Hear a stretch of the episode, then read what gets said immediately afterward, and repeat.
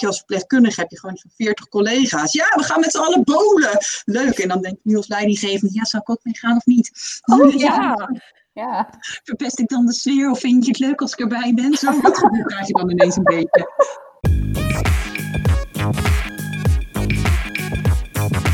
Hey, welkom. Leuk dat je luistert naar deze aflevering van Dit is 30. Het is een thema-aflevering. Uh, we gaan het hebben over leiding geven. En we hebben een gast. Um, ik heb vandaag uh, twee vriendinnen in één podcast, dus voor mij is het heel bijzonder. nee, we gaan het hebben over uh, leiding geven. En ik zelf geef geen leiding. Kaya geeft wel leiding. En Annemarie is er ook bij. Die is ook eigenlijk al vrij lang leidinggevende. Welkom, Anne. Dank je. Hartstikke leuk dat ik erbij mag zijn. Ja, leuk dat je erbij bent. Ik, uh, ik, we kwamen op het idee. Ik kom eigenlijk. Nou, nee. Ja hoor, ja, take the credits. Ik kwam op het idee. Nee, ik, uh, ik sprak laatst uh, mijn, uh, mijn schoonzusje en die, die komt terug van de zwangerschapsverlof en die kreeg een MT-baan aangeboden. Dat is even de korte versie van het verhaal, maar daar werd gevraagd of ze in het MT kwam. Nou, dat was best wel ineens van, hey, hoe volwassen zijn we? Ze had ook een, een vriendin daarover en die is ook al een tijdje leidinggevende op HR-gebied.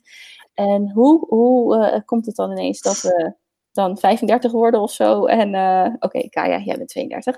Maar uh, dan zijn we ineens een soort van volwassen en leidinggevende. Nou, dat leek me heel erg interessant en leuk, want ik ben dat dus niet. Heb ik echt zo gemist? ja. Moet ik dat wel, moet ik dat niet? Nee, en ik weet dat het gewoon heel veel, jullie in ieder geval met z'n tweeën weet ik al dat jullie best wel veel uh, tijd en energie ook stoppen of hebben gestopt in überhaupt het, de vaardigheid leiding geven onder de knie krijgen. Dus volgens mij valt daar wel wat, wel wat leuks over te vertellen.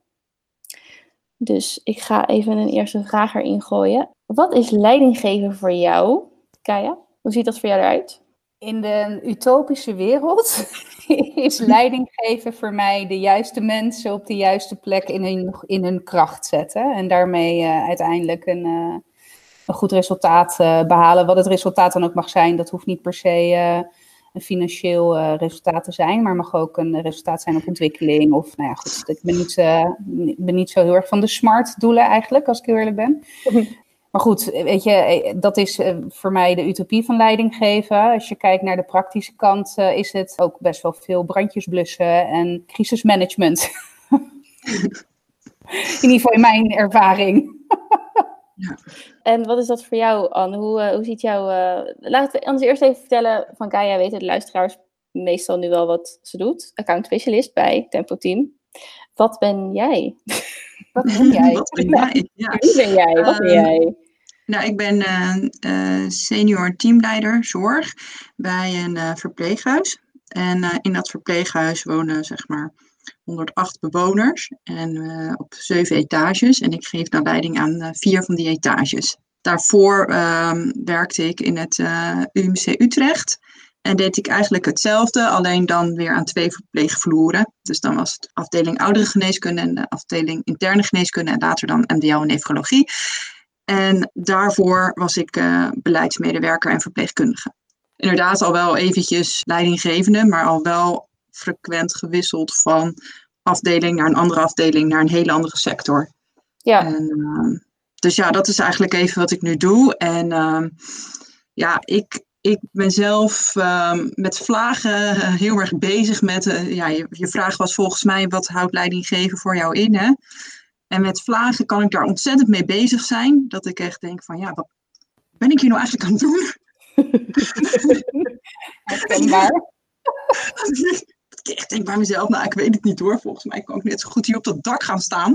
En ik vraag me af of iemand zich afvraagt, waar is die senior teamleider nou eigenlijk? en soms dan denk je echt bij jezelf van, oh, ik ben echt onmisbaar. Laat ik dan zeggen, mijn rol is echt onmisbaar. Dus uh, ja, wat houdt het voor mij in? Het ene moment had het dus echt ook voor mij in, wat Kaya net eigenlijk ook al zei, dat je heel erg bezig bent met de juiste, de juiste mensen de, uh, de juiste werkzaamheden laten uitvoeren. Uh, want dan weet je dat je de organisatie het beste helpt. En um, het verhoudt voor mij ook in um, dat je uh, ik merk in ieder geval dat in het verpleeghuis ik heel erg ook bezig ben, meer als in het ziekenhuis, met continu kaders stellen. En zorgen dat we volgens de plannen die we met elkaar hebben afgesproken, met de doelstellingen daarin, um, ook werken. Want ik merk wel dat um, in ieder geval in mijn huidige werkzetting, ja, zijn mensen soms best wel snel geneigd om hun eigen ding te gaan doen. En dat komt gewoon niet altijd de organisatie ten goede. Dus wat houdt voor mij dan leidinggeven ook in? Het organisatiebelang voor, uh, voor je houden, en in gedachten houden en daar ook naar handelen. Dus het, het, het grotere plaatje, wat denk ik moeilijker is om, te, om voor ogen te hebben als je specialist bent, zeg maar. Um, dat heel erg proberen uit te dragen in de praktijk. Ja, dus je probeert ook eigenlijk zowel de, je medewerkers, moet ik dat zo zeggen? Zijn het dan je, je team, je, je, teamleden? Ja, prima. Ja, ja, ja, probeer je uh, zodanig ook te koppelen aan wat er in het grotere geheel van je verwacht wordt. Ja, precies. En dus die, echt die helikopterview, dat vind ik wel echt passen bij een leidinggevende. Ja. Dat, dat, dat houdt het voor mij, nou, dat vind ik dan echt wel een belangrijk element daarvan. Ja. En is het dan, hoe, hoe ga je er dan mee om als iemand niet in die organisatiedoelen lijkt te passen? Ja, dat is, uh, dat is altijd wel een uitdaging. Want uh, in de eerste instantie, nou laat ik beginnen bij het begin, dat zie je natuurlijk heel erg door zichtbaar te zijn. En dat is tegelijkertijd ook het knelpunt van een leidinggevende. Um, je afspraken die vullen gewoon de dag en daardoor kan je minder makkelijk zichtbaar zijn. Dus bijvoorbeeld, en dat kan je dan doen door bijvoorbeeld bij de dagstart aanwezig te zijn, bij evaluatiemomenten, mee pauze houden, rondjes lopen, eh, vragen stellen. En dat, is, dat vind ik altijd een hele grote uitdaging omdat uh, ja, je agenda vult zich zo snel met afspraken en je mail en dingen die je moet uitwerken. Maar dat andere is zoveel belangrijker eigenlijk ja, door, door dat te doen kan je ook zien wat er in een organisatie gebeurt en hoe je ook hoe mensen zich verhouden tot die afspraken die je met elkaar hebt. En soms is dat heel makkelijk. Hè? Bijvoorbeeld in de zorg heb je een afspraak, je draagt geen sieraden, want er kunnen bacteriën onder gaan zitten en die draag je dan over. Dus als je rondloopt, zie je gelijk, hé, hey, jij hebt een ring om, weet je wel. Uh, wat is er aan de hand? Waarom doe je dat? Je de afspraak niet? Oké, nou, hè, let erop, niet meer doen. Dus dat, dat, dat is wel heel belangrijk en dan kan je gelijk sturen op dat moment. Maar soms gebeurt het ook gewoon zonder dat je het doorhebt. En uh, dan doe je heel erg je best om het ja, allemaal in het snotje te houden en in het vizier. En ondertussen lukt dat gewoon toch niet. en ja, dat is wel frustrerend. Ja, want hoe is dat? Want jij uh, werkt nu in de zorg uh, aan, dus je, je bent in de coronatijd ook gewoon op de werkvloer eigenlijk. Ja. Maar ja, wij werken op kantoor en werken voornamelijk online.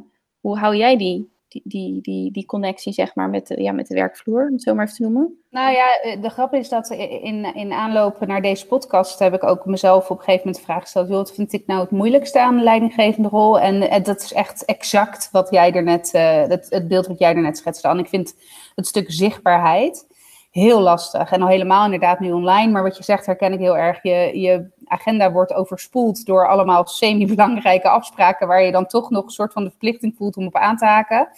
Terwijl je eigenlijk gewoon ziet aan je teamlid dat er iets aan de hand is. En daar wil je gewoon eigenlijk inderdaad even een, rondje mee lopen of whatever. En um, dat, dat vind, ik, vind ik heel lastig en online helemaal. En ja, weet je, inderdaad, het aanhaken op dagstarts, maar ook het aanhaken op bijvoorbeeld overleggen die teamleden van mij in principe autonoom voeren. Uh, door daarop aan te haken als soort van feedbackgever, weet je wel. Um, enerzijds om, om je, je teamlid te coachen, anderzijds om ook gewoon in real life aangehaakt te zijn wat er dan bij de klant speelt. Ik bedoel, ik, ik zit in een branche met veel large-scale logistieke klanten. Uh, waar zeker in het afgelopen jaar een hele hoop aan de hand is geweest met corona. Dus dan is het ook wel fijn om af en toe wat dichter op de bal te zitten in de operatie. Um, maar ja, die zichtbaarheid is heel, uh, is heel lastig. En ik denk dat dat ook de eeuwige squeeze is van een leidinggevende. En ik denk wel, uh, tenminste dat is mijn ervaring tot nu toe, is dat um, je als leidinggevende daarin ook wel dicht bij jezelf moet blijven. Uh, in die zin dicht bij je eigen kracht ook moet blijven. Kijk, als jij niet de Uber People Manager bent en uh, dat blokje om echt moet agenderen, omdat je weet dat het moet vanuit je leidinggevende positie, ja, dan, dan dreig je soms ook wel de plank een beetje mis te slaan daarin. Anderzijds, als jij eh, de, de, leidinggevende bent die echt helemaal niet is van de processen en de structuur.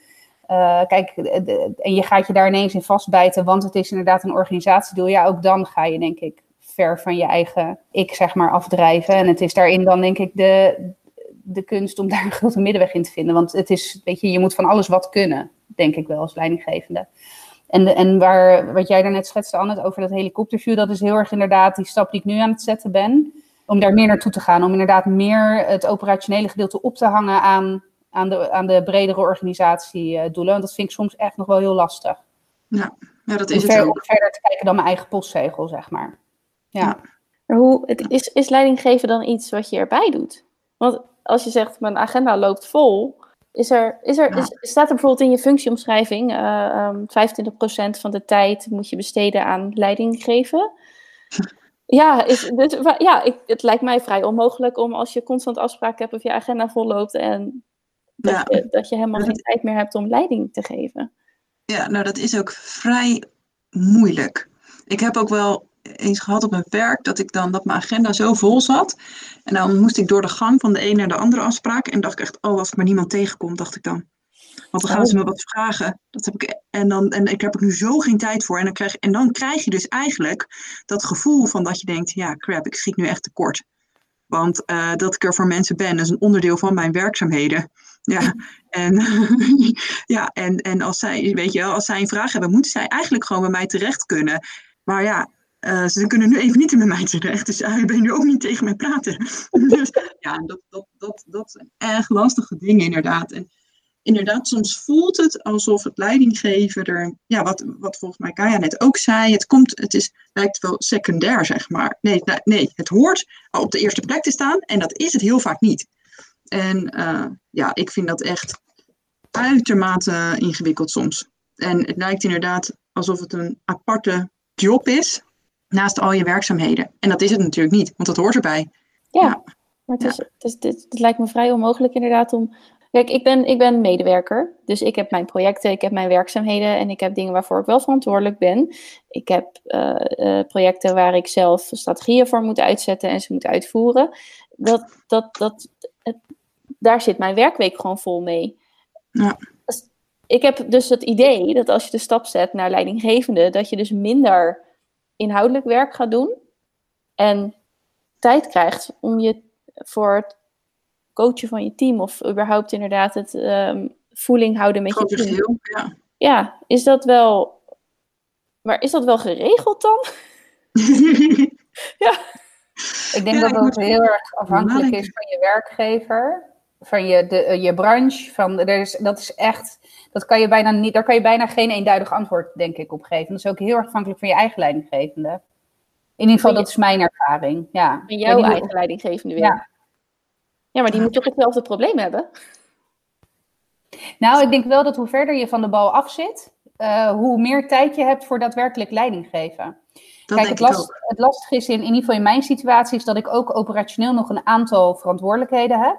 En dat is op zich goed, want dat maakt dat ik inderdaad vrij goed in de materie zit en ook eh, goed de gesprekken kan voeren die ik moet voeren. Maar aan de andere kant maakt dat de tijd die ik over heb voor daadwerkelijk coachend leiding geven, inderdaad vrijwel non-existent in sommige periodes van het jaar. En hoe verder je natuurlijk afstaat van de operatie, hoe meer tijd je overhoudt voor het echte stuk leiding geven. Dus het, nou ja, hoe je dat dan invult is, is aan ieder. Maar hoe, hoe zit dat eh, bij jou, uh, Anne? Ja, nou weet je, het is ook echt hilarisch. Want uh, mijn man die werkte hiervoor in een uh, chemicaliënbedrijf. En uh, dan was hij, zeg maar, zat hij op de, was hij leidinggevend op de operationele laag, net zoals teamleider zeg maar nu is.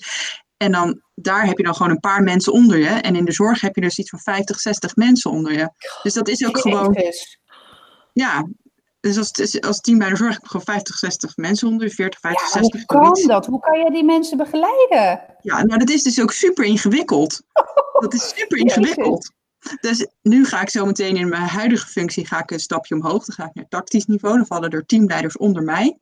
Dus ik had het daar met hem over. Hij, ik zeg, ja jeetje, ik zeg, nu, nu eigenlijk indirect vallen er zo meteen best wel veel mensen onder me. En toen zei hij van, ja, maar weet je, het wordt nu eigenlijk alleen maar makkelijker, zegt hij. Want nu heb je zometeen zes teamleiders in plaats van 40, 50, 60 verpleegkundigen onder jou, verzorgenden. En dat is denk ik ook wat jij bedoelt te zeggen. hoe, hoe hoog je ook komt, lijkt het soms ook daarin denk ik wat makkelijker te worden. Maar dat moet ik dus niet ervaren. Maar ik kan me dat wel heel goed voorstellen. Ja, we horen graag een update of het ook echt zo is. Ja, ja, precies. Nou, wordt Dan weet ik of ik die volgende stap echt wil moet willen zetten. Of dat ik toch maar gewoon lekker in deze laag blijf. ja, dat snap ik. Um, dus uh, ik hoop het in ieder geval. Ja, ja. Nou, ik ben heel, uh, heel benieuwd. Uh, Kaya, ik werd even getriggerd door wat jij uh, zei over je moet wel dicht bij jezelf blijven. En als jij niet degene bent die in de processen zit, maar hè, dan moet je daarvoor zorgen. Is het, dus het, is, het lijkt me dan ook heel belangrijk om jezelf dus heel goed te kennen voordat je uh, verleiding gaat geven. Of dat maakt het misschien makkelijker. Is dat ook zo? Of? Ja, naar mijn mening wel. En dat weet je, ik, ik zit nu dan in een uh, potentieprogramma waarin je heel erg de diepte in gaat en je helemaal binnenste buiten gekeerd wordt. en dat is hartstikke leuk, wel vermoeiend, maar dat maakt dat ik nu al, terwijl ik nog midden in dat traject zit, nu echt al bewust bepaalde keuzes maak uh, binnen mijn leidinggevende rol. En dat kan klein, kleine, kunnen kleine dingen zijn als de manier waarop ik feedback geef. Weet je, dat is heel sec en vrij uh, hoe heet het, uh, ABC, zeg maar, vrij standaard. Maar het kan ook echt, het, op sommige punten heeft het ook echt mijn perceptie van een bepaalde situatie al beïnvloed. Omdat ik weet wat mijn eigen referentiekader is en ik het daar binnen dus kan plaatsen. Dus ik denk echt wel dat een goede leidinggevende en zichzelf goed kent. En ik denk dat tegenwoordig het ook heel belangrijk is, veel belangrijker dan vroeger. Om daarin ook je kwetsbaarheid te tonen. Van ook, ook aan te kunnen geven van, joh, weet je, ik zat hier niet goed. Of ik heb hier moeite mee. Of, nou ja, whatever. Uh, dus, En dat, dat maakt, zeg maar, die kwetsbaarheid kunnen tonen. Dat, dan moet, daar moet je jezelf goed voor kennen. Om ook, zeg maar, die, dat zelfvertrouwen te hebben om dat te durven doen. Dus ja, wat mij betreft absoluut. Ja, ja heb je, Ja, heb jij ook van dat soort stappen of trajecten gehad? Uh, even denken. Of heb je nou, dat laatste, Ja, jawel, ja, de laatste paar jaar even niet. Maar ik ben heel erg bezig geweest met enneagramstijlen. Ik weet niet of jullie dat kennen. En, uh, wij wel, ehm, maar misschien de luisteraar uh, niet. Wat is het kort? Nou, dan met, met eigenlijk enneagramstijlen, dus zie je een soort van uh, cirkel voor je. En dan heb je daar omheen heb je zeg maar allemaal cijfers van 1 tot en met nou, volgens mij is het 9. En dan 1 is bijvoorbeeld dat je een uh, hervormer bent. En uh, nou, dan 6 is bijvoorbeeld dat je een loyalist bent. En 7 is een enthousiasteling. En uh, acht is, een, uh, is de basis, de harde werker. Nou, zo heb je dus eigenlijk allemaal een stijl waar je op terugvalt. Die, maar ook weer stijlen, maar die met elkaar in verbinding aangaan, zeg maar. Dus je bent nooit echt alleen een 1, maar dan heb je bijvoorbeeld altijd een verbinding met 6 en uh, 8 of zo. Het interessante is dan als je iemand anders een beetje in een stijl kan plaatsen, dan kan je soms op een makkelijker niveau met iemand communiceren omdat je in de communicatie kan je best wel met iemand botsen. En is, kan je echt tien keer dezelfde dingen zeggen en nog kan niet aankomen. Uh, terwijl als je dan op een gegeven moment doorhebt van oké, ik, denk dat iemand misschien in die stijl zit. Dus dat betekent dat als ik nu misschien wat meer zit op dat ik er zin in heb, of uh, wat meer overtuiging met feiten, of dit of dat, dat ik hem dan juist met me, wel met me meekrijg. Of dat we dan makkelijker met elkaar kunnen praten. Nou, dat heb ik dus wel gedaan. Dat is ook echt heel leuk om te doen, dus dat kan ik echt iedereen aanraden. Dat kan je gewoon via internet doen. En dat, nou ja, dat uh, kan je een, eigenlijk een enneagramstijlentest doen. En uh, verder eigenlijk niet. Ik zou in UMC Utrecht een traject gaan doen als direct leidinggevende, maar toen uh, werd ik zwanger en heel erg ziek, dus dat is toen gestopt. Dus je houdt je aanbevolen voor een potential traject? ja. Lekker graven in je eigen zelf. Ja, ja. lekker dikke, dik, dik, ja, dik away. Heerlijk. Ja. heerlijk. Ja, ja, ja, precies. Ja, maar, dat, maar, dat, uh, maar met het kwetsbaar opstellen, dat, uh, ja, daar ben ik ook helemaal met uh, Gaia eens. En ik denk ook echt inderdaad dat dat uh, zeg maar past bij nieuwe stijl leiding geven. Waar uh, de oude stijl misschien nog meer zit op ik ben de baas en ik weet hoe het moet, want ik moet een leider zijn en mensen moeten mij volgen. Dat is inderdaad even hè, heel gechargeerd. Is dat nu niet meer, denk ik, wat past in deze huidige maatschappij. En ga je inderdaad toe naar mensen die zich onder andere kwetsbaar op durven te stellen. Dus daarmee bedoel ik dan leidinggevende. Hè? Ja, en durven ja. jullie dat? Durf, durf jij dat, Anne? Mm, wel een goede vraag. Uh, Mm, ja, ik denk, kijk, uh, wat valt er onder kwetsbaar opstellen? Hè? Dan, dan denk ik bijvoorbeeld aan toegeven dat je niet weet hoe iets in elkaar zit. Of dat uh, iemand, uh, dat ze samen lekker met elkaar zitten te beppen over iets en dat je eigenlijk denkt, waar gaat het over? En ik denk dat, jij, ehm, dat ik dat zeker wel kan. het hangt er ook wel een beetje van af wie je tegenover je hebt. En dan ben ik misschien toch een tikkeltje hiërarchisch aangelegd.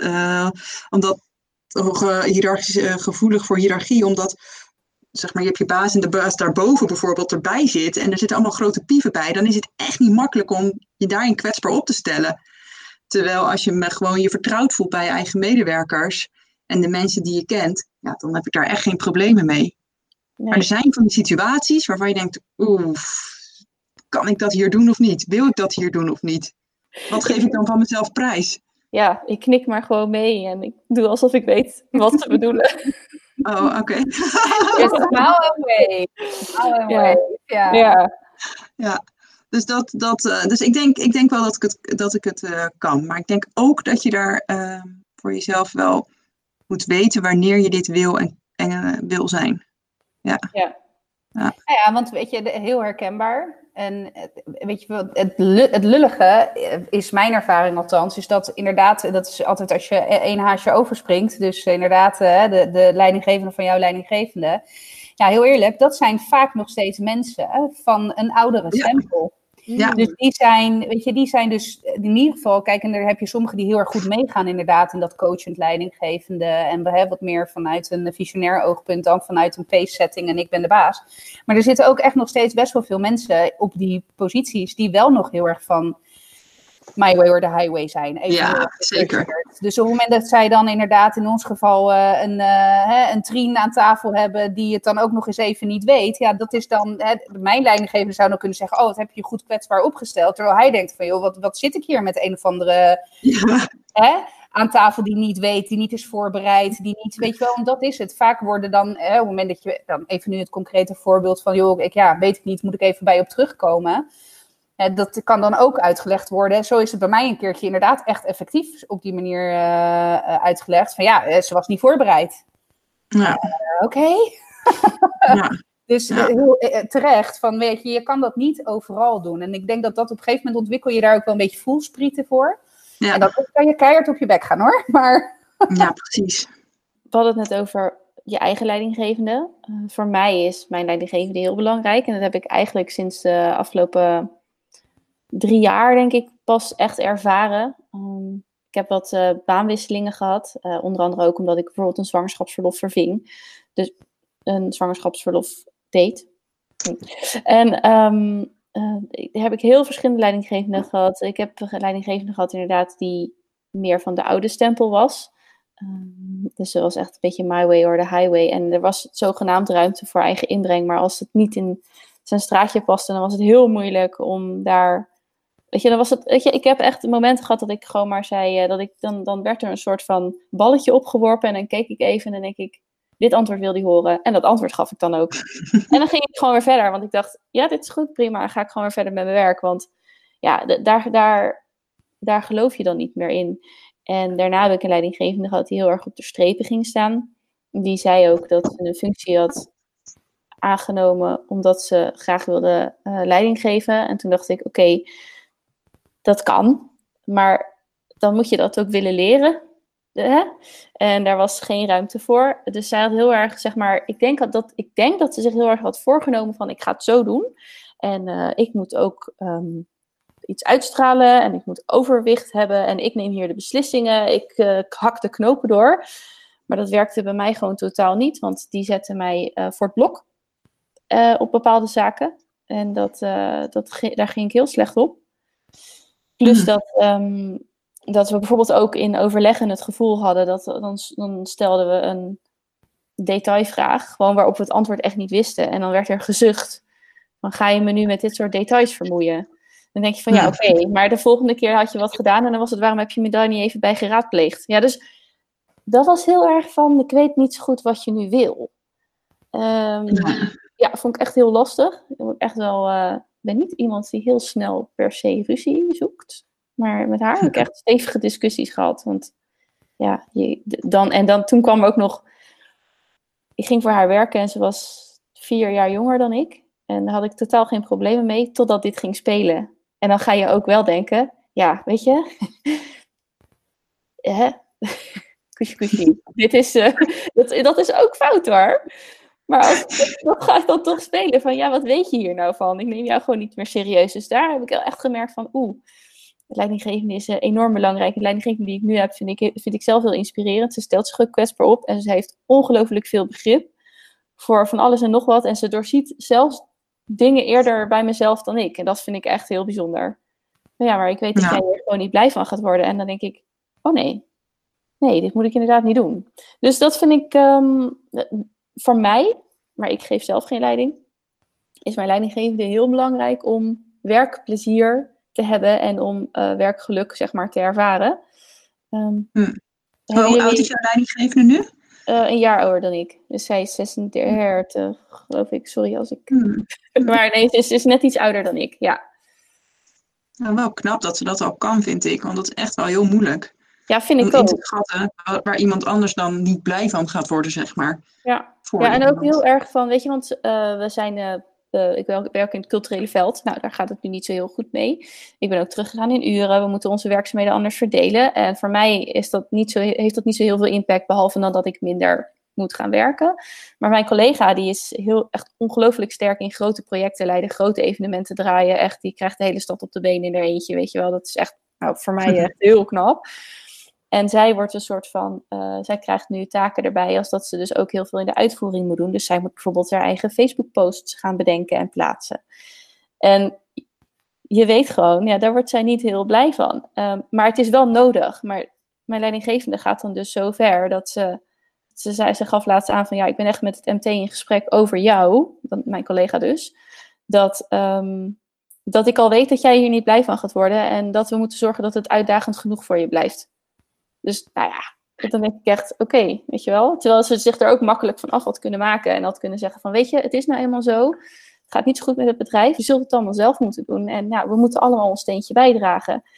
Weet je, maar dat, dat, daar geen woord. Geen woord daarover. Het is echt van, uh, ik zie jou. Dus het feit dat zij zich echt voor jou inzet, hè, wat, ja. doet ze dan eigenlijk? Dat ervaar jij als heel prettig in jouw leidinggevende. Ja, zeker. En daardoor voel ik mezelf ook enorm, uh, dat ik enorm veel ruimte heb om te doen wat ik wil doen. En waarvan ja. ik denk dat het goed is. Uh, dat is uh, heel, dat, is, dat vind ik echt, dat is voor mij nieuw. En dat werkte enorm goed voor mij om inderdaad in die kracht gezet te worden. Ja. Of, of in mijn eigen kracht te gaan staan, is het dan, denk ik. Maar um, ja. ja. wat heb jij dan, wat, wat hebben jouw leidinggevenden voor jou gedaan, Anne? Mm, ja, um, ik heb natuurlijk ook al een aantal leidinggevenden gehad. En bij, el, bij iedereen pik je wat mee, hè? Dat is eigenlijk wat jij ook zegt. Hè? En uh, ik, uh, ik had hiervoor een leidinggevende, die was, dat was echt een people manager. En zij heeft wel mijn ogen doen openen hoe je ook op een, via een zachte manier iemand kan sturen. En, voor je, en iets voor je kan laten doen, zeg maar. Positieve zin. En ik heb ook van haar geleerd dat het ook echt wel oké is om gewoon te zeggen van ja, ik begrijp het. Ik zou hier ook van balen. Ik snap het, zonder dat je direct met een oplossing moet komen. En dat had ik in de eerste, in, als beginnend leidinggevende heel erg. Dat ik zoiets had van ja, ik moet, ik moet de oplossing aandragen. Ik moet met de wijsheden komen. Mensen komen bij mij. Hè, ja, ik moet, het dan, ik moet ze helpen. Maar soms is het ook gewoon echt genoeg als je luistert en zegt ja, ik snap het. Ja, ik zou hier ook van balen. Ja, ik heb niet direct een oplossing voor je, maar ik begrijp je wel. Weet je wel? En dat heb ik van haar heel erg geleerd. En van deze, van mijn huidige leidinggevende leer ik heel erg. Bij haar staat echt altijd de deur open. Ik kan haar altijd storen. Ik kan haar altijd vragen voor iets. En dat heb ik heel erg nodig. Ik heb een behoefte aan autonomie, een, een grote behoefte aan autonomie. Maar ik moet tegelijkertijd ook het gevoel hebben dat ik altijd op iemand kan terugvallen. Dus dat ik weet van, oké, okay, dit als ik zo'n gevoel heb van, ah, dit moet ik even toetsen, dat dat dan ook gelijk kan. Weet je wel, dat je niet hoort van, nou, morgen, kom anders morgenochtend even langs. Nee, ik wil het nu getoetst hebben. Dus of je nu even tijd voor me wil maken. In ieder geval dat je het gevoel geeft uh, dat, dat dat altijd kan. Nou, dat, is, dat vind ik echt fantastisch. Dat vind ik echt heel bijzonder. En, tegelijk, en, en van mijn vorige leidinggevende heb ik ook gemerkt hoe belangrijk het is om interesse te hebben in iemands privé. Okay. Uh, dus uh, van eh, zij vroeg altijd aan mij hoe mijn weekend was. Weet je wel? En ze vroeg altijd bijvoorbeeld, goh, heb je dan misschien nog een foto van je kinderen of zo? Weet je wel? En dat maakt haar natuurlijk ook echt een people manager. Uh, dat is een beetje een stom woord, maar ik bedoel, ze was het wel echt. Dus ik denk dat je daar, ja, daar, dat, dat heb ik daar echt wel van de laatste twee meegepikt. Ja, zeker. Ja. Zijn er ook oh ja, en, en bij de laatste, die, uh, de, mijn huidige leidinggever, die heeft ook heel veel discipline om, het, om, om echt aan de PDCA-cyclus te werken. En dan denk je echt, ah, PDCA. Maar uh, het is wel echt, het is echt wel getting things done stijl, zeg maar. Ja. En, dat, en, en uh, die is echt niet voor één gat te vangen, zeg maar. En nee, al dit... gaat het over iets heel kleins, weet je, maakt niet uit. Het wordt gewoon geregeld. Ja, We gaan het doen. PDCA staat voor Plan, Do, Check, Act. En uh, vaak is de plan en het doel gaat nog wel. en dan gaan we iets anders plannen en doen. En dan weer iets ja. anders plannen en doen. maar checken en daarop acten, dat is wel, daar heb je echt discipline voor nodig. Zijn er ook, of is er ook één ding waarvan je denkt van dat is, heb ik als zelf als negatief ervaren en dat doe ik dus zelf ook niet in mijn leidinggevende functie? Mm -hmm. Mm -hmm. Voor... voorbeeld? Mensen slaan? ik heb ook, ook, ook ooit een keer een leidinggevende gehad die praten zo fucking snel. Sorry, Kaya, dat kan jij ook. I know. I know. Maar die was me ook elke keer één stap voor in mijn gedachtegang. Dus als ben ik een persoon dat ik even denk, oh, ik moet er even over nadenken. Wacht even, ik moet even voelen. Ah, wacht even. Heel even, Sst, denk ik dan. ja. Ik weet het, je bent me één stap voor. Ik weet het, jij weet al wat ik ga zeggen. Ik weet het. Maar ga ik het even zelf bedenken. ja, dat, dat, dan voelde ik me echt met mijn rug tegen de muur gezet. Dan had ik echt het idee dat als ik met mijn rug tegen de muur stond en iemand met een mitrailleur op me af stond te, te schieten. En ik een soort van probeerde zo alle kogels tegen te houden om mezelf een beetje ruimte te geven om erover na te kunnen denken. Dus, en ik, dat is gewoon, weet je, sommige mensen zijn snelle denkers. En, uh, en uh, volgens mij is Kaya er één van, maar ik ken er nog meer. Zijn gewoon snelle denkers hè, en zijn verbaal sterk en communicatief vaardig. En dan als je dat niet bent en als je heel eventjes, heel even die tijd nodig hebt en dat wordt je niet gegund, en je wordt dan echt in een, met een bepaald probleem of iets wat je moet doen, of ergens waar je het niet mee eens bent, in een hoekje gedrukt. Nou, dan kan je echt heel naar voelen. En ik had een leidinggevende, dat was enerzijds soms ook zijn kracht, hè, want het was daardoor ook wel iemand die echt dingen voor elkaar kreeg.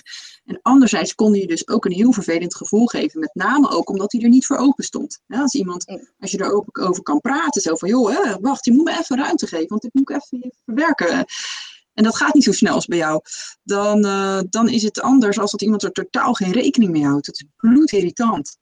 Ja, ja, dat is, dat is wel grappig, want dat is inderdaad heel herkenbaar. mijn gedachten gaan inderdaad, en ik praat ook van mijn natuur inderdaad heel snel, en mijn gedachten gaan vaak nog sneller. Maar ik had dus inderdaad, uh, toen was ik eigenlijk net begonnen als leidinggevende, of in ieder geval net in de rol die ik nu heb. En ik had inderdaad ook een van mijn teamleden, die, dat is, die had gewoon echt even nodig. En zeker bij dingen die ze lastig vond, of die ze spannend vond, of in ieder geval waar ze niet meteen om stond te springen. Weet je, dat moest even landen bij haar. En ik was inderdaad, met, ik wilde meteen reactie, weet je. Ik wilde ja, bam, bam, bam, weet je wel. Van, hé, hey, ik, ik confronteer eerst mee. Weet je, wat is je idee? Wat wil je? Wat denk je? Wat doe je? Nou ja, enzovoort. en zij, en, en dat vond ik heel goed, dat op een gegeven moment heeft ze, heeft ze, heeft ze uh, dat ook aangegeven. En ik heb, ik, um, ik heb dan insights gedaan, ook met kleuren en communicatiestijlen. Dus het, lijkt heel erg op, want je hebt heel veel van die kleuren, uh, communicatie, nou ja, theorieën. En uh, ik ben rood-geel dan. En zij zat precies tegenover mij, zeg maar, in die cirkel. Dus wij hadden precies elkaars tegenovergestelde communicatievoorkeur. En toen ben ik me daarin gaan lezen en toen, toen uh, heb ik dus geleerd hoe ik dingen bij haar wel voor elkaar kan krijgen. Op een manier waarop zij zich empowered voelt en waarop zij het prettig vond. En ik heb toen inderdaad heel erg geleerd om echt wel dertig keer op mijn tong te bijten.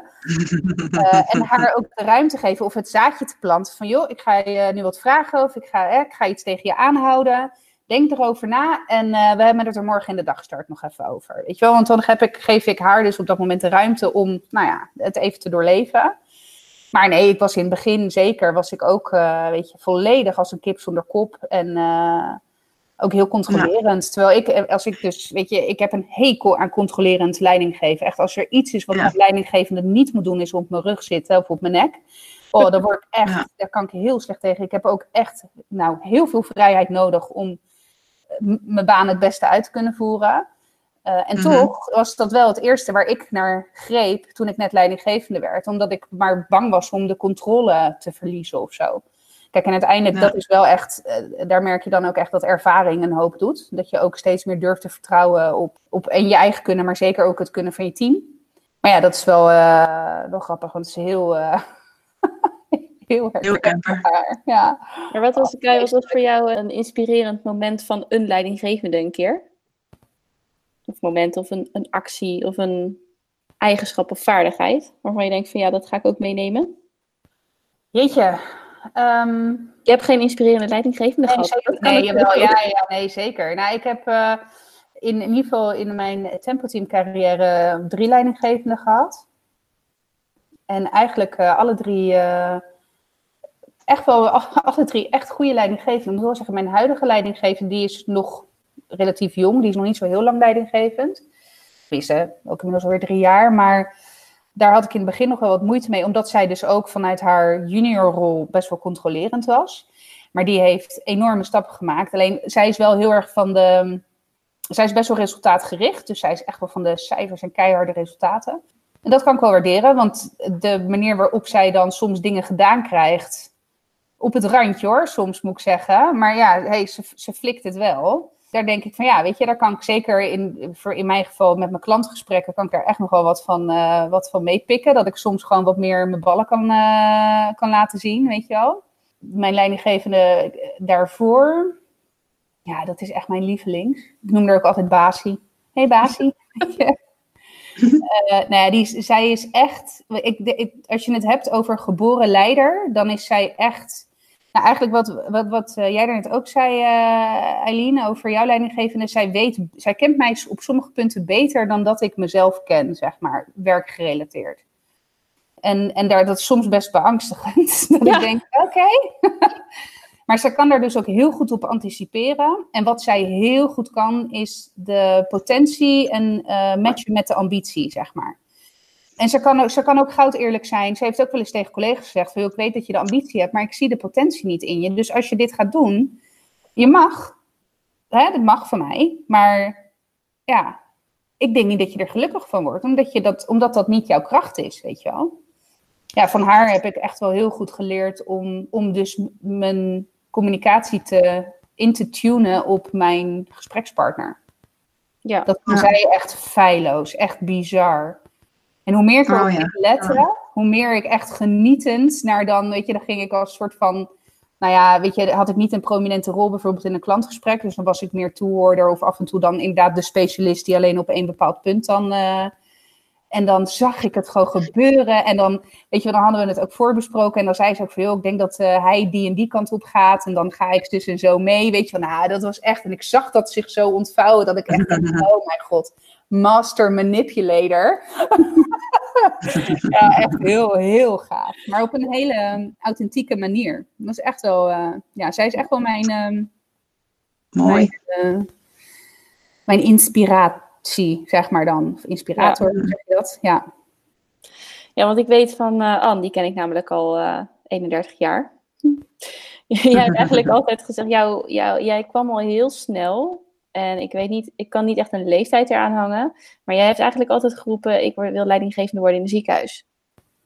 Mm Ja. Dat klopt. Echt vanaf dat je, nou ik wil, wil bijna zeggen vanaf dat je 13 was. Dat klopt. Ja. ja. Hoe kom je daar, hoe, eh, ik, ik heb dat, nou ik, tot op de dag van vandaag snap ik niet hoe je op die ambitie komt. ik bedoel, kijk, je wilt, je wilt het je wilde, worden en dit wilde jij worden. Nou, dat vond ik zo bijzonder. Het is ook heel specifiek, leidinggevende ja. in een ziekenhuis, ja. Ja. Hoe kom je erbij? Um, nou ja, ik weet wel, op school trok ik altijd al wel de, de, de voorzittersrol naar me toe. En was ik altijd de kartrekker van de groepjes. En vond ik het fijn om initiatieven te nemen. En um, om, uh, dus er zit al iets in me van makkelijk naar de voorgrond treden en een bepaalde rol op je nemen. En, um, ja, maar dat kan ik zelfs beamen vanaf de basisschool. Ik bedoel niet dat we daar groepjes hadden waar kartrekkers voor moeten bij, maar jij was, jij was een van de hardste schreeuwers uit de klas. ja, ik bedoel, uh, je, je was de jongste, hè? Augustuskind, dus je was een van de jongste, maar um, daar was sowieso niks van te merken. Je was altijd echt uh, aanwezig. Maar moet ik ook zeggen, niet op een nare manier hoor. Je, volgens mij ben je niet een onwijs draak geweest. Maar er was, als er iets te beleven was, dan, uh, dan, nou, dan stond jij wel. Ja, nou, dan stond je vooraan. Terwijl ik was een typeje wat liever achter in de klas bleef zitten, want dat durf ik helemaal niet, weet je wel. Oh ja, ja, ja. ik denk dat het ergens al wel een beetje ja, gewoon in me zat. Dat komt natuurlijk ook door het nest waarin je, wordt, waarin je opgroeit. En um, uh, dus ja, ik denk zeker dat daar ook wel uh, al wat zat. En ik weet nog wel heel goed dat ik op een gegeven moment. Uh, nou, ik had dan de opleiding doktersassistenten gedaan en toen ging ik daarna HBOV doen. En ehm, toen ehm, tijdens die stage liep ik op een gegeven moment, was ik uh, in een verpleeghuis. En nou, daar was, de kwaliteit van zorg was echt verschrikkelijk. Was echt, echt heel slecht.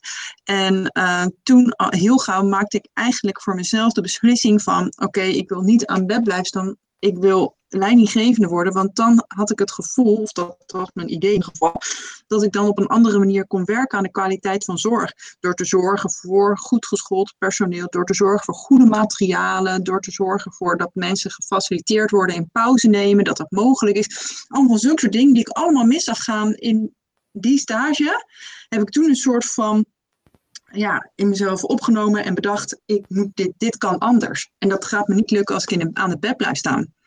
Toen heb ik de HBOV afgemaakt. Toen ben ik daarna natuurlijk gezondheidswetenschappen gaan studeren, beleid en management in de gezondheidszorg. En eigenlijk um, kom je dan ook in aanraking met uh, ja, wat is management, uh, hoe ga je om met financiën, hoe bekijk je een probleem vanuit verschillende perspectieven, hoe, kan je, hoe geef je leiding. En zo groeide ik er eigenlijk steeds meer in. Eerst gevoed vanuit de praktijk en later dus steeds meer ook gevoed met echt gewoon theorie. Dus het was voor mij heel vanzelfsprekend dat ik ook toen ik klaar was met de opleiding gewoon dat ging doen, zeg maar. Ik was ook heel erg op zoek gelijk na mijn opleiding naar een baan als leidinggevende. Maar ja, dan ben je 24, 25. Ja, en dan uh, werken er mensen van 55, 60, bijna 65 in de zorg. Ja, dan is dat wel eventjes, uh, ja, sta je niet zeg maar heel hoog op het lijstje van nou die gaan we aannemen. Maar gelukkig lukte me dat toch uh, nadat ik eerst een jaar als beleidsmedewerker had gewerkt binnen dezelfde organisatie. Dus daar ben ik ook nog steeds heel dankbaar voor dat me die kans toen is gegeven. Want ik was nog steeds toen heel jong. En echt natuurlijk ontzettend bleu nog. Want uh, ik, kan, ik vind wel echt leiding geven leer je in de praktijk. Ja. Dat leer je echt in de praktijk. Ik denk ook wel dat leidinggeven iets is wat echt in je moet zitten. Ik, denk, niet, ik, ik, denk echt niet dat iedereen leiding kan. Ja, iedereen kan het op papier. Maar ik denk niet dat iedereen een goede leidinggevende kan zijn. Dat is denk ik echt wel een, een, een karaktereigenschap bijna. Uh, die je moet bezitten. En dat kan je heel erg goed ondersteunen door training, ontwikkeling, coaching Zeker. enzovoort. Maar als je die basis niet hebt, dan, dan, dan ben ik ten eerste ervan overtuigd dat je nooit uh, helemaal gelukkig kan zijn in je baan als leidinggevende.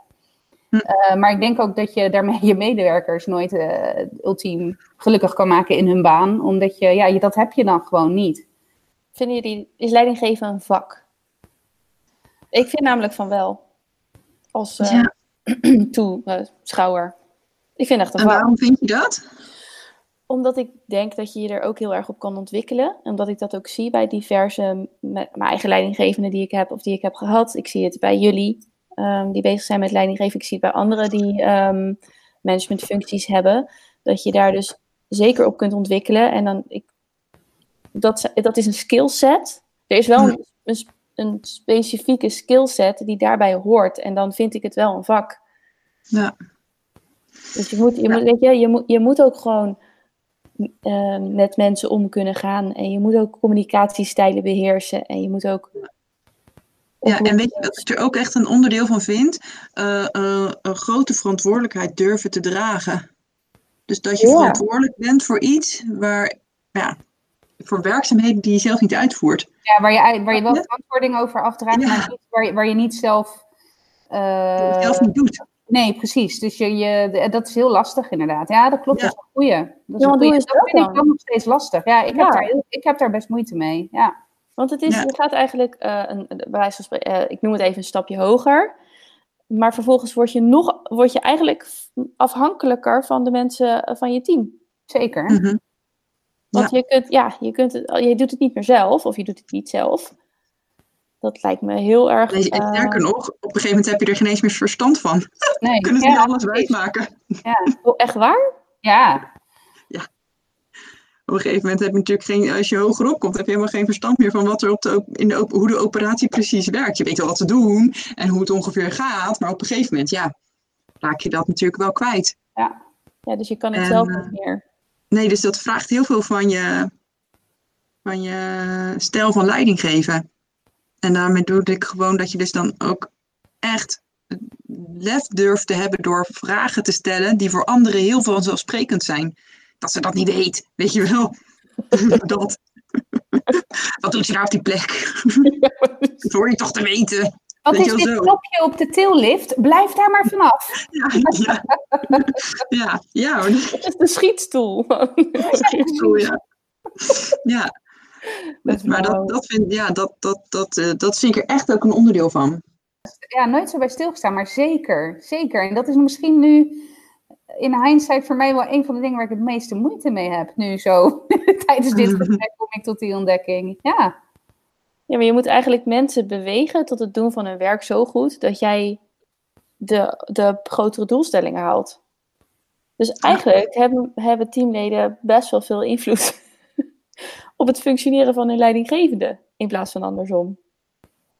Ja, ik denk en en. Ja, ja, ja zeker. Weet je wat ik ook een, uh, een interessante vond, is uh, volgens mij was jij dat Anne toen, toen je een bepaalde andere functie ging bekleden en toen werd de vraag gesteld, wie zijn je collega's? En dan zou je eerder zeggen, nou dat is mijn team, maar je collega's zijn je medeleidinggevende. Ja. Ja. Hoe, uh, hoe, hoe hebben jullie, zeg maar, uh, hoe werken jullie samen met medeleidinggevende? Is dat op inhoudelijk vlak of is dat meer op het vakleiding geven of het managen? Waarin je best practice ja, deelt? Of, ja. Ja, ja, echt allebei. Ik probeer echt uh, mijn, dire mijn directe collega, die uh, probeer ik echt te helpen in haar ontwikkeling. Zij helpt mij door kritisch te blijven. Uh, maar we kijken ook samen naar de jaarplannen die we, die we met elkaar maken. Hè? En ook met de teamleden natuurlijk, die bedenken wij niet alleen. ja, het is echt allebei, vind ik. Ja, maar zij is wel mijn directe collega. En dat vind ik ook zo waardeloos van hoe, hoe, ja, hoe hoger je komt, hoe minder collega's je eigenlijk hebt. Hè? En uh, eerst zit je in een team en dan ben je, werk je als verpleegkundige, heb je gewoon zo'n 40 collega's. Ja, we gaan met z'n allen bolen. Leuk. En dan denk ik nu als leidinggevende, ja, zou ik ook mee gaan of niet? Oh ja. ja. Verpest ik dan de sfeer of vind je het leuk als ik erbij ben? Zo, dat gevoel krijg je dan ineens een beetje. Ja, als leidinggevende erbij is, dan kan je niet dronken worden. Zo, weet je wel. Oh ja. Dan ben je net nog met z'n tweeën of met z'n drieën. Ja, inderdaad. Ja. Oh ja, oh, dat kan onwijs gênante situaties opleveren. Ja. dus ik vond het ook altijd heel leuk als er een soort van gezamenlijk was besloten dat het team daar mee mocht. Oké. Okay. Yes. Ze mogen me. Ja. I'm one of the guys. Ja, en dat was best echt wel lastig soms. Maar dat vind ik ook met dingen vertellen over je privéleven bijvoorbeeld. Dat je, nu, nu heb ik inmiddels daar wel een weg in gevonden. Maar als beginnend leidinggevende gaf ik heel weinig van mezelf ja, eh, bloot, zeg maar. En dan vertelde ik niet zo heel veel over me thuis. Terwijl ik nu wel heb geleerd dat dat ontzettend wordt gewaardeerd. Ja, dat mensen ook heel leuk vinden om jouw privéleven te horen. Ja, ja, ik heb daar nooit zo moeite mee gehad. Ik ben wat dat betreft, juist naar mijn team, ben ik echt een open boek. Uh, met betrekking tot mijn privéleven. Terwijl ik ja, dat niet van nature ben. Ja, terwijl ik dat niet van nature ben. Maar ik heb daar echt ik heb vrij snel geleerd dat, dit, dat me dat helpt. Ten eerste is, heeft dat ook te maken met een stukje jezelf openstellen. Um, en dat maakt de drempel voor hun ook een stuk lager om, om zich open te stellen. Maar mag jij mee bolen? Ik? Of ja. Nee, jij, Kaya. Zeker, zeker. Ik heb escape rooms, alles al gedaan met mijn team. Oh, ja. ja. ik organiseer het gewoon, dus ja. oh, ja dus, dus dan moeten ze mee. Ja, precies. Nou, ik heb natuurlijk een, een veel kleiner team dan Anne, dus dat is heel anders. Weet je, kijk, uh, we zijn uh, op dit moment met, uh, met vier planners. Ik heb dan, als je kijkt naar de laag senior account specialisten, we zijn met z'n drieën, geloof ik. Ja, en dan hebben we nog een drietal accountspecialisten. En dat is, bij ons is de samenwerking meer, meer geënt op best practices delen dan elkaar echt, weet je, want we sturen gewoon hele separate teams aan. Dus dat heeft ook vrij weinig overlap met elkaar, behalve dan op procesmatig niveau, maar inhoudelijk echt niet heel. Maar goed, mijn, mijn, eigen team, dat behelst maar vier mensen. Wat, wel, wat bij ons dus wel altijd de vraag is, gaat de, mijn leidinggevende mee? Dat, oh ja, bij ons altijd een beetje de, de vraag onderwerp van discussie. Ja, ja, precies. Of welke theorie of aanpak pas je graag toe? Maar ik denk dat we het daar al wel over gehad hebben met die enneagrammen en die kleuren. Wat ik daar misschien op kan aan uh, toevoegen is, nou, is niet echt een theorie, maar we hebben het net wel heel eventjes gehad over zeg maar, dat nieuwe stijl en die wat oudere stijl leiding geven. Wat ik ook heel erg merk is dat uh, nou, sommige leidinggevenden heel erg zijn van uh, je moet je medewerkers maximaal benutten. Heel erg sturen op, op de inhoud en controle. En um, waarvan ik juist vind dat er bij de nieuwe stijl is dat je, ja, dat je stuurt op, op zeg maar, wat er nodig is. En, en, en, en dat het ook oké is als je thuis werkt en dat je dan gewoon zegt, nou, ik ga nu even een uurtje sporten. En uh, ik ga daarna weer verder, want dan ben ik weer dubbel, ben ik veel frisser dan dat ik nu gewoon de hele tijd door blijf gaan. En ik merk heel erg bij wat oudere leidinggevenden dat ze dat heel moeilijk vinden. En dat heb ik dus echt totaal niet. Weet je, als jij wil gaan sporten, be my guest. En het is een keer in de basis tijd. Ik vind dat goed. Want ik vind het belangrijk dat jij in beweging bent en dat jij je hoofd leeg maakt en dat je goed in je vel zit. Maar dat merk ik bij wat oudere leidinggevenden, niet natuurlijk iedereen, maar dan merk ik dat ze daar heel veel moeite mee hebben. Ook met thuiswerken bijvoorbeeld. Dat, uh, ja, dat vind ik ook echt niet meer van deze tijd. Maar komt het dan doordat zij, dat, dat zij in een andere werkcultuur misschien zijn, uh, nou niet opgegroeid, maar zijn begonnen met werken? Is het dan een cultuurverandering die op werkvloeren plaatsvindt? Of is dat in opleidingen misschien? Misschien wel, ja. Want ik had het er ook over met mijn collega. Die zei ook van, ja, weet je, het past ook niet meer bij mijn, mijn, mijn leidinggevende. Mijn leidinggevende werkt super hard en maakt ze heel veel uur. En dat doet ze zeven dagen per week. De hele dag door voor mijn gevoel. En dat is ook echt zoiets waarvan ik denk, ja, dat, dat hard werken wordt beloond, zeg maar. Dat principe eigenlijk een beetje. Ja, of het past niet bij mij, of het past niet meer bij deze nieuwe stijl leidinggevende. Als ik me daar nog heel even onder mag scharen met mijn 35. Maar ook dat heb ik zoiets van, ja, weet je, privé is er net zo goed. En dat balans is cruciaal. Ja. Anders hebben wij helemaal geen tevreden medewerkers. Of medewerkers die over een paar jaar of misschien wel korter al in het verzuim zitten. Omdat ze het te veel te zwaar vinden en de werkdruk niet aan kunnen. Dus ik heb wel een beetje het idee dat daar een transitie in gaande is. En misschien zeg ik nu wel iets heel erg geks waarvan iedereen denkt, nou echt, uh, shoot me now, wat je nu allemaal zegt. Maar ik, dat gevoel heb ik echt heel erg. Dat, daar een, uh, dat er een andere garde aan leidinggevenden aan het ontstaan is, een andere groep. Ja, nou, dat herken ik heel erg en daar kan ik mezelf ook heel erg in vinden. Ik weet dat bij ons, ik heb tot de, aan de corona moeten vechten voor één thuiswerkdag vanwege geen plek op de kinderopvang op dinsdag. En daar werd echt, uh, oh, tot op het bot moest ik gaan. Terwijl ik helemaal niet minder productief was. Of weet je, het, het heeft geen enk, op geen enkele manier heeft de kwaliteit of de kwantiteit zelfs van mijn werk uh, erop ingeboet, zeg maar. Maar toch uh, nou, werd er heel moeilijk over gedaan. Nou, nu kan natuurlijk alles met met corona. Nou, nou, zijn we ook nu wel ons beleid erop aan het aanpassen. Ook na corona dat we, dat we deels thuis blijven werken. Omdat we ook wel de voordelen ervan zien. Maar ik denk dat het, dat het ook echt te maken heeft met een, met een bepaald, uh, bepaalde sociaal-economische ontwikkeling binnen de maatschappij. Kijk, voorheen, als we ook zeker kijken naar de positie van vrouwen um, op het werk, de, die, die positie is echt wel substantieel veranderd ten opzichte van al twintig jaar geleden. Laat staan langer geleden. Weet je, we, we, we zijn meer gaan werken. We, we zijn ook hogere functies gaan bekleden.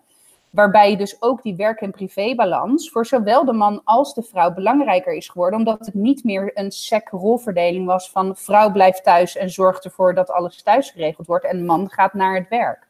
En dat was vroeger de klassieke, in, over het algemeen, ook niet overal natuurlijk, maar de, de klassieke verhouding. Wat ook maakte dat die werk-privé-balans als minder belangrijk werd beschouwd. Omdat ja, die verdeling was er, weet je. Vrouw regelde de kinderen en het huishouden en man brengde, brengde brood op, uh, op de plank.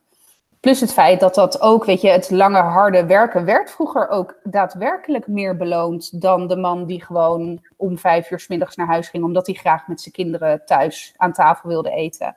Dat waren over het algemeen ook echt de mensen, of de mannen in dit geval, die minder snel carrière maakten er is natuurlijk de afgelopen twintig jaar een onwijze kentering geweest. Ook met de positie van vrouwen op de arbeidsmarkt. Wat ook maakt dat dus die werk-privé-balans nou echt wel heel belangrijk is. Om, het, om inderdaad die sanity te bewaren.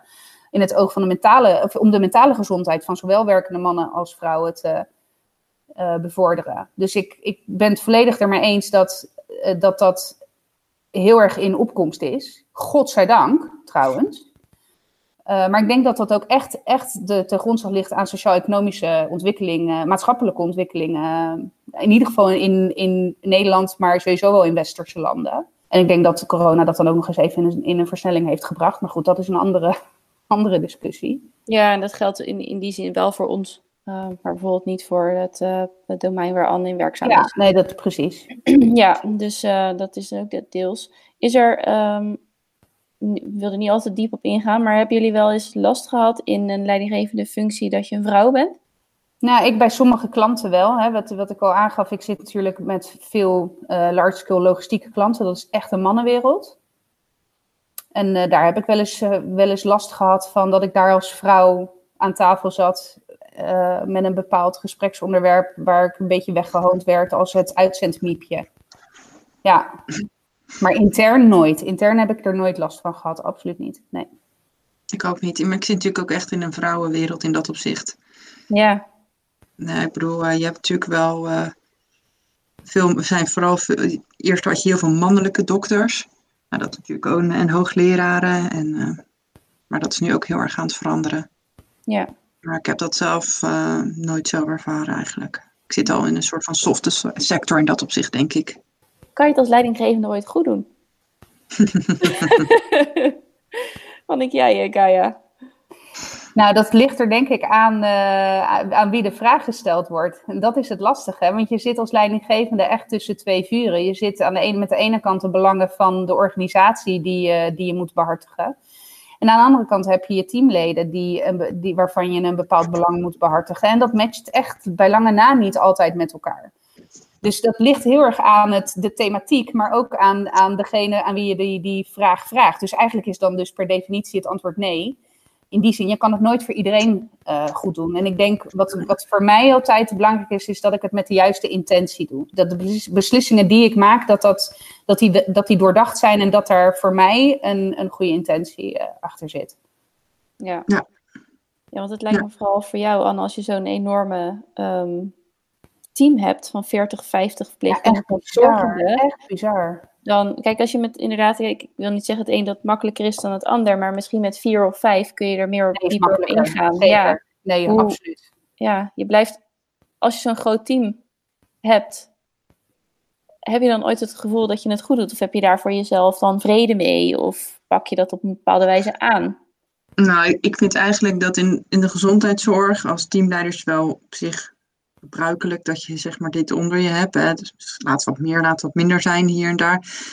Vind ik eigenlijk uh, dat je uh, altijd, tenminste ik heb altijd het gevoel in ieder geval dat het niet goed genoeg is. Omdat ik weet dat er medewerkers zijn die gewoon minder aandacht krijgen dan dat ze zouden moeten krijgen eigenlijk. Maar dat je er simpelweg gewoon niet aan toe komt. Weet je, ja, als je gewoon je... een jaargesprek hebt of twee ja. gesprekken met iemand per jaar, nou reken maar uit niet te doen. Nee. Ja, dat, dat, ik vind ook die spam of control eigenlijk te groot voor een direct leidinggevende.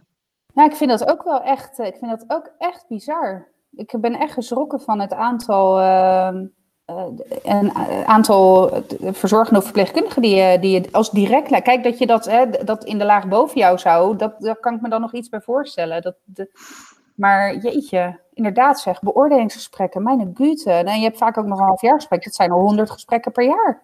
Ja, maar dat ja. is alleen al logistiek bijna niet in je agenda in te plannen. Nee. bijna niet te doen. En dat is ook wel dat je je dan als teamleider onder druk gezet voelt. Uh, van, uh, ja, dat je weet dat die gesprekken belangrijk zijn, dat de organisatie ze belangrijk vindt, dat de medewerker ze graag wil. Uh, maar ja, hoe dan? Ja. Ja, dus, maar ook je weet gewoon, kijk, ik bedoel, iedere medewerker heeft natuurlijk, is ook een eigen individu en heeft zijn eigen mening en zijn eigen kijk op dingen. Dus ook in dat opzicht denk ik van ja, misschien is het nooit goed genoeg doen te zwart-wit, maar ik denk wel dat er altijd mensen zullen zijn die denken van nou, ik kan hier niet achter staan of waarom doen we het niet zo of ik begrijp niet, uh, uh, ik, ik, ik zou dat zo doen. Of dus dat, maar dat hou je gewoon. Dat is nou eenmaal wat je hebt als je met elkaar samenwerkt of met meerdere mensen in een organisatie werkt. Ja, maar goed, het is wel vier, ik hoef maar vier of vijf meningen met elkaar af te stemmen. Dat is echt wel andere koek dan 40, 50. Ja, ja absoluut. absoluut. Maar ja, de, de, zorgsector is natuurlijk wel in dat opzicht een andere wereld. Hè? Ik bedoel, het zijn, mensen hebben, zijn natuurlijk heel erg. Uh, hè, ze, zijn zelf specialist op een vakgebied. Ja, dat dus, is waar. Uh, ze weten zelf heel goed wat wel en wat niet goed is voor. Uh, ja, voor de klant, zeg maar, voor de patiënt, ja, voor de bewoner, ja, hoe je hem ja, noemen. Ja, dat is waar, dat is waar. En um, dat maakt ook het leidinggeven interessant, vind ik, in de zorg. Omdat je eigenlijk continu schakelt tussen soms iemand uh, die uh, eigenlijk geen diploma heeft, maar met zijn goede gedrag uh, en met een warm hart wel heel belangrijk is voor een verpleegafdeling. tot aan iemand die hetzelfde niveau heeft gedaan, maar als jij zelf universitair is opgeleid, maar op een andere manier, op een andere, een andere scholing heeft gedaan. En dat is heel leuk van leidinggeven in de zorg, want die variabelen zitten er allemaal tussen.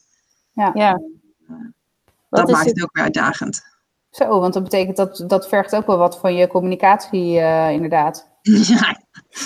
ja, soms krijg je ook echt, sowieso, soms denk ik echt, ja, dus dan, zeg ik voor ja, dus dan, uh, dus zullen we zo zo doen? Ja. Oh ja, oké.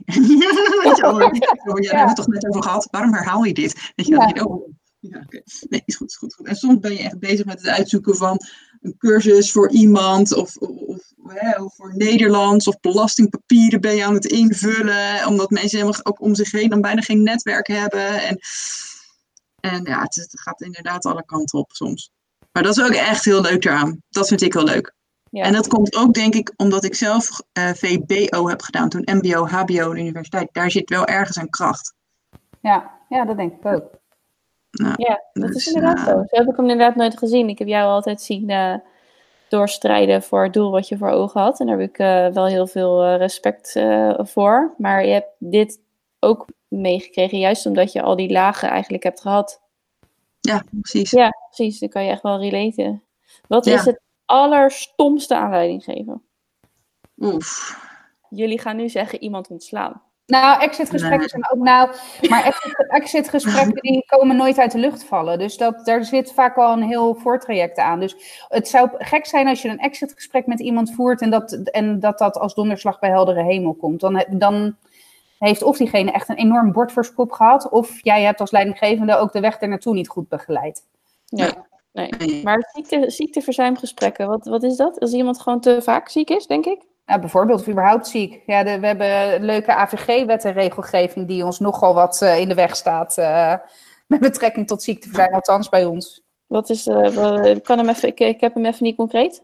Ja, de, de privacywetgeving. Je mag niks vragen, je mag niks, niks loggen, je mag niks... eigenlijk mag je alleen maar, althans vanuit ons, mag je alleen maar dus de, vragen stellen op basis van inzetbaarheid. Dus wanneer verwacht je weer inzetbaar te zijn. En je mag eigenlijk niks vragen over doktersafspraken, over specialisten. Je mag helemaal niks als werkgever. mag je wel vragen, wat, wat heb je? Nee, eigenlijk niet. Nee, je mag, ik weet niet of het zo is dat je het mag vragen, maar dat ze er geen antwoord op hoeven te geven. Mag je er ook niet naar vragen? Ja, dat, kijk, je mag, weet je, er is dus niet dat er een, een, iemand aan de lijn zit van, uh, weet ik veel, het UWV, de overheid, whatever, die gaat controleren wat je vraagt. Maar ze hoeven geen antwoord te geven en je mag in ieder geval het nergens registreren. Dus, dus ja. ik mag mij ziek melden en dan is het aan mij om aan te geven wanneer ik me beter meld. Ja, Zonder dat ik daar iets over hoef te zeggen. Nou ja, kijk, eh, ja, zeker in de eerste week, zeg maar, van ziekmelding. Kijk, de, met de wet poortwachter is het wel heel snel dat er een verzuimbegeleider opgezet wordt, althans bij ons. Uh, en die, die heeft al veel meer bevoegdheden. Uh, en dan word je ook met, uh, met rassensreden richting een bedrijfsarts gestuurd op het moment dat er een idee is van hé, hey, er, er strookt iets hier niet. Um, maar ja, zeker. Kijk, en, en dat gaat bij ons vaak ook om om, um, om uitzendkrachten. Dus bij ons is ook een ziekmelding einde dienstverband. Dus dat is ook anders dan wanneer iemand op contract is hoor, met betrekking tot ziekteverzuimbegeleiding. Dus ik kan me ook voorstellen dat voor ons de, de regels daaromtrent net anders zijn dan uh, voor jou. Ik weet ook niet hoe dat bij, uh, bij jou zit, uh, Anne, als je, als je ziekteverzuimbegeleidingsgesprekken moet doen. Ja, wij, uh, wij houden die eigenlijk zelf. En uh, op het moment dat we denken van, van nou, dit kan nog wel eens een langdurig traject worden, gaat iemand gelijk naar de bedrijfsarts. Of bij twijfel gaat iemand gelijk naar de bedrijfsarts. Maar we hebben wel ziekteverzuimgesprekken. Dus als je binnen een jaar vaker ziek bent geweest, dan uh, heb je eigenlijk al gelijk een ziekteverzuimgesprek. Het gemiddelde ligt op één keer per jaar ziek. Dus dan uh, heb je een uh, verzuimgesprek. En dat is dan ook met ons. En soms heb ik dan daar nog, vraag ik daar nog wel ehm, iemand bij. hoe heet ze? Even niet op de naam van de specialist. Is, is, dat, is dat een HR die daarop aanhaakt bij jullie? Of? Nee, een reïntegratieadviseur. Oh ja, ja. ja, dus dan sluit de reïntegratieadviseur aan.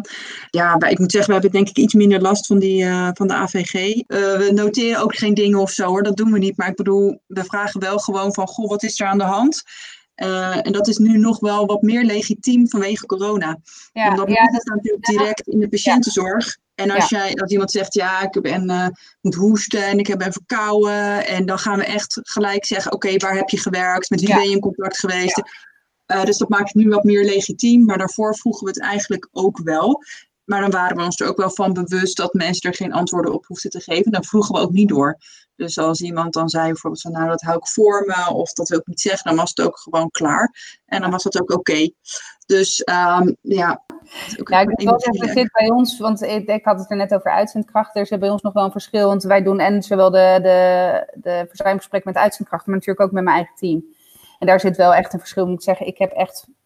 Ik kan me niet herinneren dat ik een frequent verzuimgesprek heb gevoerd met een teamlid. Bij mij zijn, zijn met, dat moet ik echt, nou laat ik het afkloppen voordat ik morgen drie ziekmeldingen binnenkrijg. Maar echt, mijn, ja, ik heb heel weinig ziekmeldingen binnen, binnen mijn team. Ah, bij, bij, bij de uitzendkrachtenkant daarentegen is het een heel ander uh, verhaal. Maar, uh, maar met, met corona merk ik inderdaad dat dat voor ons ook de weg daar naar verzuimgesprekken makkelijker heeft gemaakt. Omdat uh, ja, wij ook moeten weten van hey, bij welke klant heb bij uitzendkrachten dan, hè, van hey, bij welke klant heb je gestaan, welke afdeling heb je gewerkt en uh, ja, herkenbaar. Ja. Wat is dan het allerleukste? Wordt de uitsmijter hoor, dus je kan uh, helemaal vrolijk vertellen. nou, het leukste vind ik als ik iemand in mijn team um, op basis van coaching die die dan vanuit mij heeft gekregen, zie opbloeien. Ja. Ik heb een, uh, ik heb een uh, dame in mijn team zitten die heeft, is echt het afgelopen jaar echt, die is zo enorm gegroeid. En die is nu volledig zelfsturend. Van echt, die, die had ik, uh, en dan overdrijf ik niet, soms wel tien keer per dag aan de telefoon voor de meest simpele vragen. En, en heel onzeker, timide en weet je, echt, en die, die, die die heeft, mij, die heeft mij oprecht niet meer nodig. Dat vind ik denk ik het grootste compliment, wanneer ik niet meer nodig ben. Wat vind jij het leukst dan? Uh, ik denk dat ik het leukst vind om. Uh, ik, vind, ik vind samenwerken onwijs leuk. En dat is natuurlijk echt dooddoen van hier to Tokio. Maar ik vind het echt heel leuk als je met een aantal of met een hele grote groep iets kan bereiken. Wat je voor, van tevoren hebt afgesproken. Nou, daar krijg ik echt een onwijze energieboost van. Dat vind ik echt heel tof. Maar vooral als je ziet dat mensen vanuit zowel hun persoonlijkheid als hun rol allemaal stuk voor stuk iets bijdragen wat je zelf niet hebt. Ja, ja dan, gaaf. Oh, ja. Dat vind ik echt heel gaaf. En dan is het nog het leukst als jij dat dan hebt geïnitieerd, dat gesprek. dan ga ik nog een beetje mijn credits. maar dat is toch echt, dat is wel echt heel, heel tof. Als je echt met elkaar uh, zo dan iets kan bereiken. Ja, waarvan je denkt, oké, okay, dit is echt een verschil. Dit voegt echt waarde toe voor, de, voor, voor onze patiënt, bewoner, whatever. Ja, dat vind ik echt heel tof. Maar ja, dat hoeft natuurlijk niet direct een leidinggevende te doen. Hè? Dat kan ook een projectleider zijn. Ja, dus, maar het gaat echt om die gezamenlijke effort en dat je echt met ja. uh, elkaar ja. daarin werkt. Ja, precies. En, uh, en wat Kaya net zei, vooral zulke soort kleine projectjes, zeg maar. Dat is echt heel tof. En dan weet je soms ook echt niet wat je hoort. Dan denk je, ik had helemaal niet door dat ik zo'n impact heb gemaakt oh. op je. Nou, toen heb ik inderdaad tijd voor je genomen. Maar ja, dat was gewoon, ja, dat deed ik gewoon. Ja, weet je, en dat is heel leuk. En dat vind ik echt heel, dat is wel heel tof aan leiding geven. Ja, ja. de impact op mensen. Ja, je kan echt het verschil maken in een organisatie en bij mensen. Dus dat is heel tof. Ja. ja. Nou, superleuk. Um, ik ben nog steeds niet uh, van plan om. Uh... hebben we je overtuigd? nee. ik blijf liever inhoudelijk specialist. En daar zit ik echt uh, veel meer op een plek. Um, het hele mensen coachen. Ik merk wel dat nu ik wat ouder word. En ik, ik vind um, de term senior heb ik uh, in communicatie vind ik altijd zo, weet je wel, want ja, we weten allemaal, het is zo'n enorm vak. Ik ben niet per se, want degenen die nu net van school komen weten veel meer over even de, de geëikte voorbeeld, de TikTok of weet ik het wat, weet je wel. Die weten dat veel beter dan ik. Dus waarom zou ik dan senior zijn? Maar nu ik wel een soort van senior rol kan aannemen, omdat ik toch de ervaring heb, uh, vind ik het wel heel tof dat als ik een dan even maar zo junior collega wat tips kan meegeven of kan helpen in dagelijks werk of gewoon meer plezier eruit halen of meer rust daarin vinden. Dus uh, dat herken ik wel. Maar ik, uh, nee, Laat mij maar gewoon lekker uh, inhoudelijk die specialist zijn. En, uh... ja, ja, heerlijk toch? Ja, zou ik zeker blijven doen als ik nee, maar, maar ik vind wel, over, terugkomend op jouw verhaal over junior en senior, je voelt het ook wanneer je op een gegeven moment in iets senior bent, toch? Ja, ja, en dan is het ook een term die bij je past. Ja, dat, uh, dat herken ik dan, dan wel. ah, nou, mooi. Ja, nou, superleuk. Ik vond het een hartstikke leuk gesprek. Ik vond het voor mezelf in ieder geval heel leerzaam. Dus ik hoop dat um, de luisteraars het ook heel erg leuk vonden en leerzaam. De, de, altijd de uitnodiging om lekker te reageren op onze Instagram, in onze DM's of onder onze posts. En uh, vooral ook om ons, uh, op ons te abonneren in de Apple Podcast app. Vijf sterren te geven, een review. En um, ook in Spotify en in andere apps kun je gewoon gratis op ons abonneren. En het helpt ons weer vooruit. Dus we hopen dat jullie dit een hele leuke aflevering vonden. Annemarie, heel erg bedankt dat je wilde aansluiten. Graag gedaan. Ik vond het ja. erg leuk. Dank jullie wel. Nou goed, ik ga deze aflevering afsluiten. Bedankt voor het luisteren, lieve luisteraars. En uh, jullie horen ons weer in de volgende aflevering. Doei doeg! Doei! Doei.